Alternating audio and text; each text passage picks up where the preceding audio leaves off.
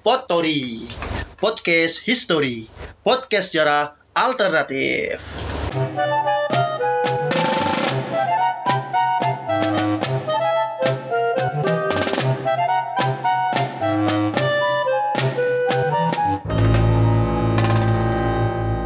Habib Rizik baru saja pulang ke Indonesia. Akhirnya pulang, ya kan? Setelah tiga tahun berada di Arab Saudi. Berita kepulangannya kemarin jadi heboh banget kan, Bes? Iya Karena banyak pengikutnya yang ikut menyambut kedatangannya. Pengikut Eh, pengikut dan membuat bandara juga jadi rame banget waktu itu. Sampai eh, di Jakarta juga macet ya. Tapi Terus- lucu kemarin Don Aku kan lihat beberapa postingan di media sosial Hmm. itu kan Mereka datang ke bandara itu Beberapa ya kan nggak semuanya ya Masuk jalan tol coy. Oh, Masuk iya, iya, jalan lihat, tol, pakai motor nggak pakai helm. Mm-mm. tapi keren loh itu dan menurutku. Kenapa? kayak cara cara cara pengikut Habib Rizik yang mereka lakukan itu sebenarnya kayak menurutku revolusioner Karena? untuk me apa ya bener-bener me atensi mereka bener-bener dapat atensi dari pemerintah gitu loh Mm, mereka bener-bener kayak mengangkangi hukum mm-mm. kayak polisi, kayak aparat dan segala macam. Hmm. Ini kan sebenarnya kan masih dalam suasana COVID-19 ya. betul. Artinya bahwa ya retorikanya kan kita harus mematuhi protokol kesehatan, Hmm. menjaga jarak, ya kan, cuci tangan dengan sabun.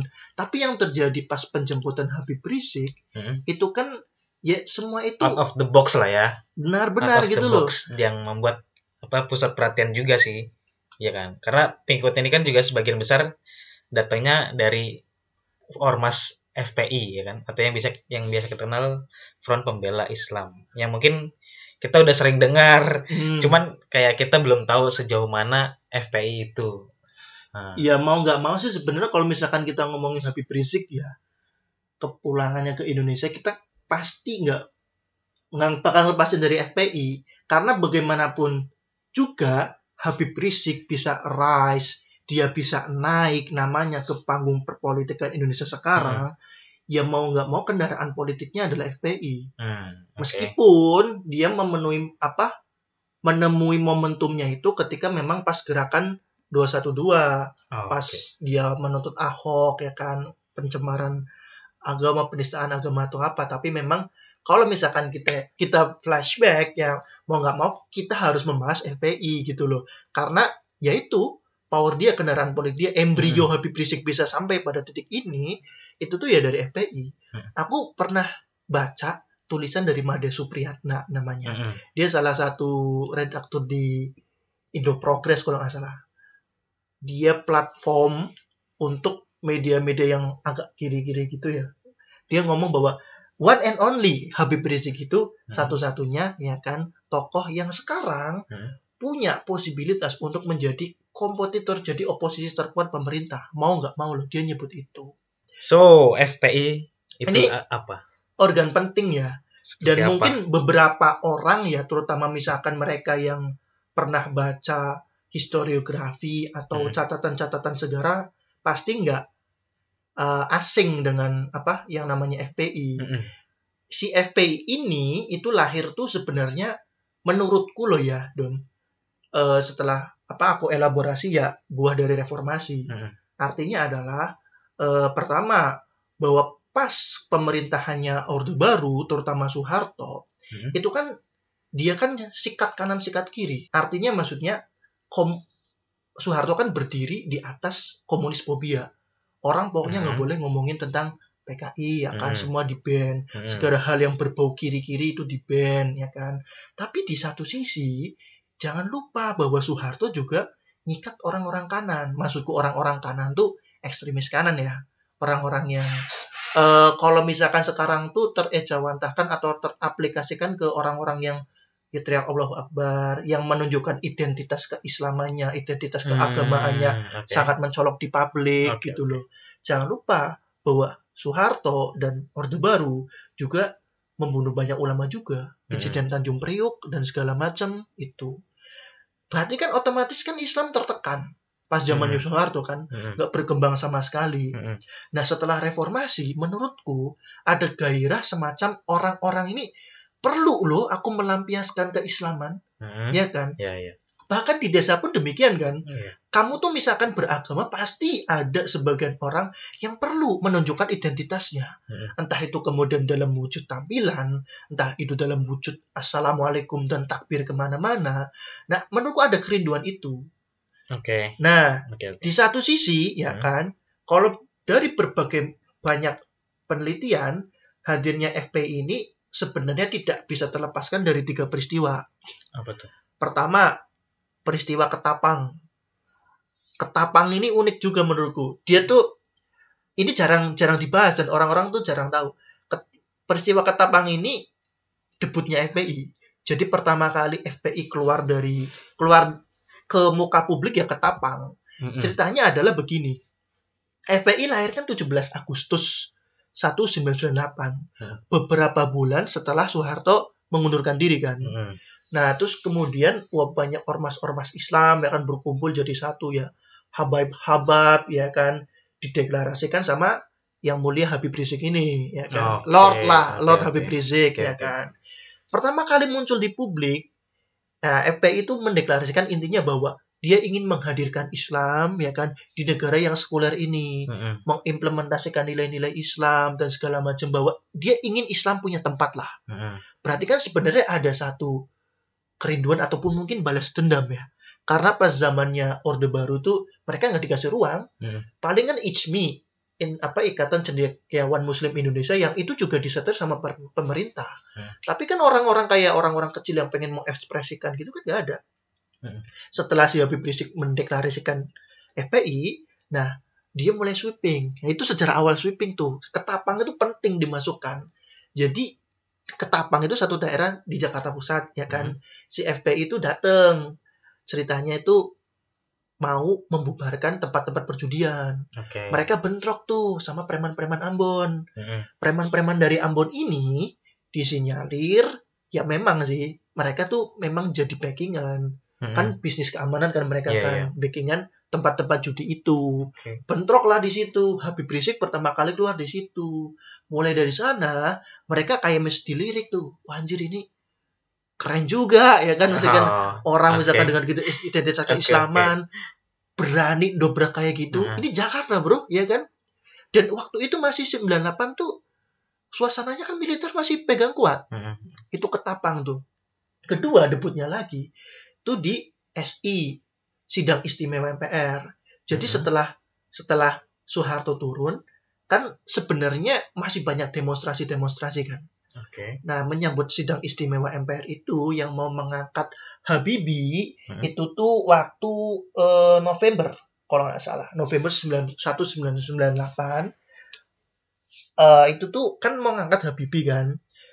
Mereka dari militer itu tuh butuh pengamanan, lapis Hmm. ganda. Ceritanya naga-naganya kan katanya Kiflan Zen yang dalangin kan. Jadi Kiflan Zen mantan menteri pertahanan. Oke. ya kan? Dia mendalangin itu terus dia minjem uang ke salah satu pengusaha. Uangnya dicairin ya kan? Ditransferin ke eh, organisasi-organisasi termasuk FPI mereka menghimpun namanya Pam Swa- Pam Swakarsa pasukan keamanan masyarakat Swakarsa sebenarnya tugasnya katanya kalau di legalnya ya dia membantu aparat untuk mengamankan sidang istimewa MPR sama masyarakat Mm. ya kan? Tapi pada praktiknya sebenarnya PAM Swakarsa ini digunakan untuk menggebuk mahasiswa. Jadi Oh. sipil dibenturkan sama sipil. Oke. Nah, itu jalan don uangnya. Oke. Kayak dikasih gitu bener-bener disuplai. Nih, Hmm. itu tuh kalau misalkan baca bukunya siapa Rick atau siapa itu kayak mereka ngedrop bener-bener kayak ada bis, ada truk, ya milik Hmm. militer juga. Terus isinya orang-orang orang-orang sorban, orang-orang PAM Swakarsa. Mm. Terus ada mahasiswa ya kan digebuk-gebukin gitu. Jadi main aman militer Oh, I see. itu. Oke. Jadi tiga itu we ketapang ya kan si SIMPR ini karena untuk mengawal ya kan. Karena kan setelah Soeharto turun Hmm. masih bergejolak tuh demo di mana-mana ya kan. Sama yang ketiga ya Pam Swakarsa itu cikal bakalnya dari sana. Banyak organisasi-organisasi itu yang kemudian apa organisasi ormas lah dulu ya.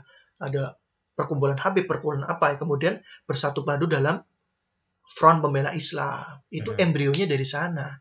Padahal ada menurutku kenapa FPI bisa lahir ya satu ada opresi ada represi ada pengekangan pas zaman Orde Baru. Kedua ada campur tangan militer ya kan? Hmm. ketiga ada kayak gairah semacam desire untuk menunjukkan identitas keislaman mereka di muka publik ya kan Iya, iya. Nih, setelah 98, ya kan? Lucunya, 1999, apa yang terjadi coba? Dia ngeruduk balai kota, coy. Kantor gubernur DKI. Gubernurnya Sutioso loh, mantan militer. Dia ngomong ke Sutioso, ya kan? Pak Sutioso, ini, ya kan, saya mau pas bulan Ramadan, tempat judi, tempat maksiat, tempat spa, tempat message, tempat pelacuran ditutup semua pas Hmm. bulan puasa. Sekelas FPI bisa melakukan itu. Berarti kan dia sudah menemukan kekuatannya kan di Hmm, di pentas nasional. betul. Nah, itu kemudian mereka berkembang dari kelompok-kelompok kecil sampai sekarang punya masa sebesar itu. Hmm. Kayak momentum-momentumnya mereka gelut sama Gus Dur, insiden Monas, kemudian Ahok 212 ya kan itu Ya, kan tambah banyak kan. Iya, iya. Nah, sekarang Habib Rizik dipuja dan gak cuma FPI dong yang muja menurutku Siapa? banyak orang-orang yang mulai simpatik dengan Habib Rizik dan melihat kayak wah model Islam kayak gini kok kayak strong banget gitu loh makanya Hmm. mereka kayak wah maulah gitu loh itu salah menurutku orang-orang yang jenuh juga dengan pemerintah dan merasa bahwa kayaknya gabung FPI bisa jadi zona aman deh artinya bahwa kalau misalkan kamu kalah dalam hidup ikut FPI gitu loh kamu bisa kuat iya kan Iya, Gimana iya tuh? nggak sih? Gimana tuh? Penjelasannya gimana tuh? kayak gini loh Don aku punya pernah baca buku bahwa kan pertanyaannya gini sebenarnya kenapa sih Habib Rizik bisa punya, Punya. pengaruh sebesar itu kan Ah, punya banyak pengikut dan kenapa punya uh, power sebesar itu kan? iya kayak orang kan lihat di media kan wah anjir besar banget ya kan Hmm, ya memang mungkin ada framing media di sana kan Betul. karena kan media kita kan sangat Jakarta sentris apa yang disorot Jakarta kemudian Ah, Oke. dikonsumsi sama seluruh Indonesia kan Betul. Padahal juga apa pentingnya lihat orang jemput di bandara. Setiap hari kan ada orang jemput di bandara. Oke. Nikola Saputra ketemu Dian Saput apa Dian Sastro. Sas- Sastro ya kan nggak ada yang jemput juga. Oke. Ya Oke. mak- maksudku gitu, ada framing media juga kan. Oke. A- Artinya misalkan orang-orang di rural, pedesaan gitu juga mungkin pun nggak begitu tertarik dengan interest itu. Tapi kalau misalkan memang dia punya pengaruh sangat besar di Jabodetabek, mungkin iya. Dan apakah meluas? Bisa, sangat mungkin. Karena orang kan simpati. Orang lihat, wah Habib Rizik luar biasa, ya kan disambut banyak orang, dicintai umat, ya kan. Tapi kenapa kemudian bisa sebanyak ini? Ini orang-orang apa sih? Hmm. Ini orang-orang Ah, dari iya, mana sih? Ya Iya, kan? iya. Kayak misalkan orang-orang di Twitter, netizen tuh ngomongnya, wah ini pengangguran, ya kan? Ini pasti orang-orang yang nggak berpendidikan. Beberapa pada beberapa titik betul. Tapi jangan lupa bahwa Habib Rizik mengakomodasi orang-orang semacam itu. Mhm. Orang-orang yang kemudian sebenarnya mungkin ya dalam bahasaku kayak mungkin kalah dong. Kalah dalam hidup. Dia misalkan tersisi dari ekonomi, ya kan? Tersisi misalkan dari lapangan pekerjaan, ya kan? Dan mungkin tidak menemukan hal lain, ya kan? Selain misalkan kayak wujud ekspresi keislaman, ya kan? Misalkan Hmm. kamu nggak tahu, Iya, aduh iya. aku mau apa sih aku ekonomiku gini-gini berarti satu-satunya cara yang bisa aku lakukan adalah aku harus memuliakan keturunan Nabi gitu kan Hmm. aku harus misalkan ya syahid di jalan Allah gitu loh Iya kan itu kan menurutku harapan bagi mereka Hmm. kayak siapa ya mungkin itu yang disebut agama adalah candu mungkin ya ketika mereka nggak tahu harus bersandar kalah dalam hidup. Ya kan nggak tahu misalkan kondisi sosial ekonomi mereka terpuruk ya udah mereka kan berkiblat ke sana pun mereka pun sebenarnya nggak soleh soleh amat kan mereka Hmm, hanya betul. menikmati itu dulu menikmati Oke. kerumunan itu secara psikologis oke. dan koyo apa ya melampiaskan melampiaskan hasrat itu Hmm. Habib Rizik sangat mahir untuk mengambil ceruk-ceruk orang kelas menengah bawah Hmm. gitu-gitu loh Don. Lihat pengikutnya deh. Ya mungkin ada beberapa orang kelas menengah atas yang sekarang banyak simpati juga. Hmm. Tapi itu menurutku adalah akhir pada bagian-bagian akhir. Hmm. Pada awal-awalnya Habib Rizik pintar mengambil ceruk orang-orang yo yang kalah, orang-orang yang memang ya menurutku tersisih secara ekonomi dan kayak melihat Habib Rizik sebagai harapan Mm. itu jawaban mengapa Habib Rizik bisa seluar biasa itu punya banyak pengikut punya banyak pengikut seperti sekarang. Heeh. Eh, terus eh, ap- apa dampak yang eh, Habib Rizik bisa timbulkan setelah kepulangannya dia ke Indonesia? menurutku dua sih satu satu nih ya Hmm. Habib Rizik dia bisa jadi bangun agreement sama pemerintah Mm-mm. ya kan artinya ya mungkin pemerintah mengas akan memberikan satu tugas khusus untuk dia kan orang-orang kayak ngobrol apakah jangan-jangan ini pengalihan untuk omnibus law ya Oke. kan? agar orang-orang tuh lupa dengan isu-isu yang sebenarnya vital dan Mhm. perlu ya kan karena itu kan menurutku isu penting kan Mhm. omnibus law tenggelam ya kan dengan Habib Mhm. Rizik datang belum lagi dia datang-datang dia malah gelut sama Nikita Mirzani ya itu kan Betul. aneh nggak sih menurutmu Betul. sampai sekarang memang belum belum terlihat seperti apa terus yang kedua tuh sebenarnya aku lebih percaya di apa analisisnya si Made Supriyatna Habib Rizik bisa menjadi one and only oposisinya pemerintah. Karena satu-satunya yang punya basis massa satu-satunya orang yang punya kan sangat besar untuk di spotlight sekarang ya Mm. selain presiden Habib Rizik. Segala tindak tanduknya mesti kan akan disorot. Belum lagi Habib Rizik ini memegang kunci politik elektoral artinya kamu lihat deh kayak kemarin waktu ribut-ribut anaknya Habib Rizik mau nikah Mm-mm. terus kemudian katanya mengundang 10.000 orang Mm-mm. dan berakhir dengan pencopotan Kapolda Jawa Barat sama Kapolda Metro Jaya. Hmm. Tapi sebelumnya yang datang siapa? Ridwan Kamil sama Anies Baswedan, Hmm. ya kan? Habib Rizik memegang kunci ke 2024. Jadi siapa-siapa yang Hmm, I see. kemudian bisa menggait dia, Habib Rizik bisa jadi apa ya? Ya mungkin supreme leader yang akan mengarahkan masa kan. Mm. Ini kan kantong suara yang besar. Maksudku Habib Rizik bukan bukan hanya menguasai kantong suara FPI, Hmm. tapi kantong suara orang-orang yang punya gairah mengekspresikan keislamannya dulu. Mungkin benar suatu saat dia punya power yang eh, akan diperhitungkan kali ya. Hmm. Apakah akan berpengaruh sama orang-orang yang menengah ke atas gitu tenggelam? Eh berpengaruh lah jelas menurutku Dun. Itu kan kayak mengubah beberapa aspek kehidupan gak sih? Iya kan? Itu kan loh masa besar. Ih, ini nih ada ada ada tulisan lucu. Jadi gini. Dia dia ngobrol bahwa ini adalah kebangkitan Islam garis kanan. Islam garis kanan sudah punya power untuk mempush pemerintah. Cuman meskipun pushnya mendorongnya bukan untuk hal-hal yang esensial kayak RUU Cilaka, ya Hmm. kan, eh, omnibus law atau omnibus law atau hak-hak kayak misalkan mengkritisi pemerintah, kan mereka kan lebih mendorongnya kayak misalkan bagaimana kepentingan mereka diakomodir toh. Mm-mm. Paling kan nggak jauh-jauh dari penistaan agama, penistaan tentang ulama dan segala macam. Ya mereka memonopoli kebenaran tentang bahwa mereka adalah satu-satunya representasi Islam lah. Tapi cara mereka berhasil dong. Ngeblokir tol, ya kan. Datang dengan tidak mempedulikan protokol kesehatan. Ini cara-cara yang kemudian orang-orang kritis kiri kayak gitu nggak bisa lakukan. Hmm. Dan sementara orang-orang lain yang kelas menengah atas, mereka hanya bisa nyinyir, ya kan? Kayak Betul sih. Iya kan? Kayak ah ini nggak mempedulikan protokol kesehatan ya kan?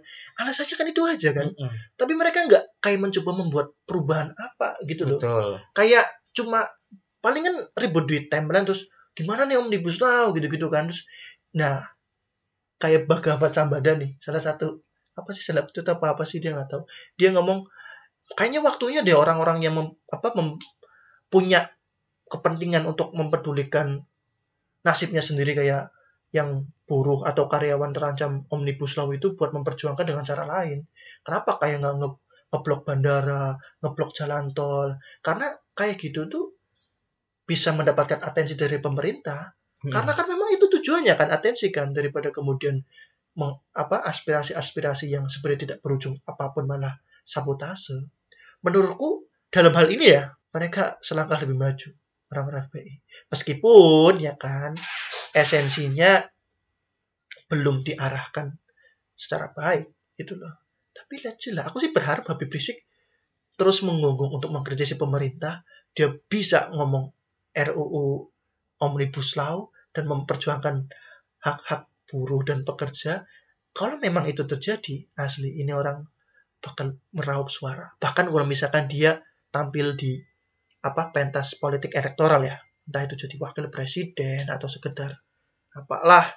Hmm. itu sih. Let's see, let's see. let's see.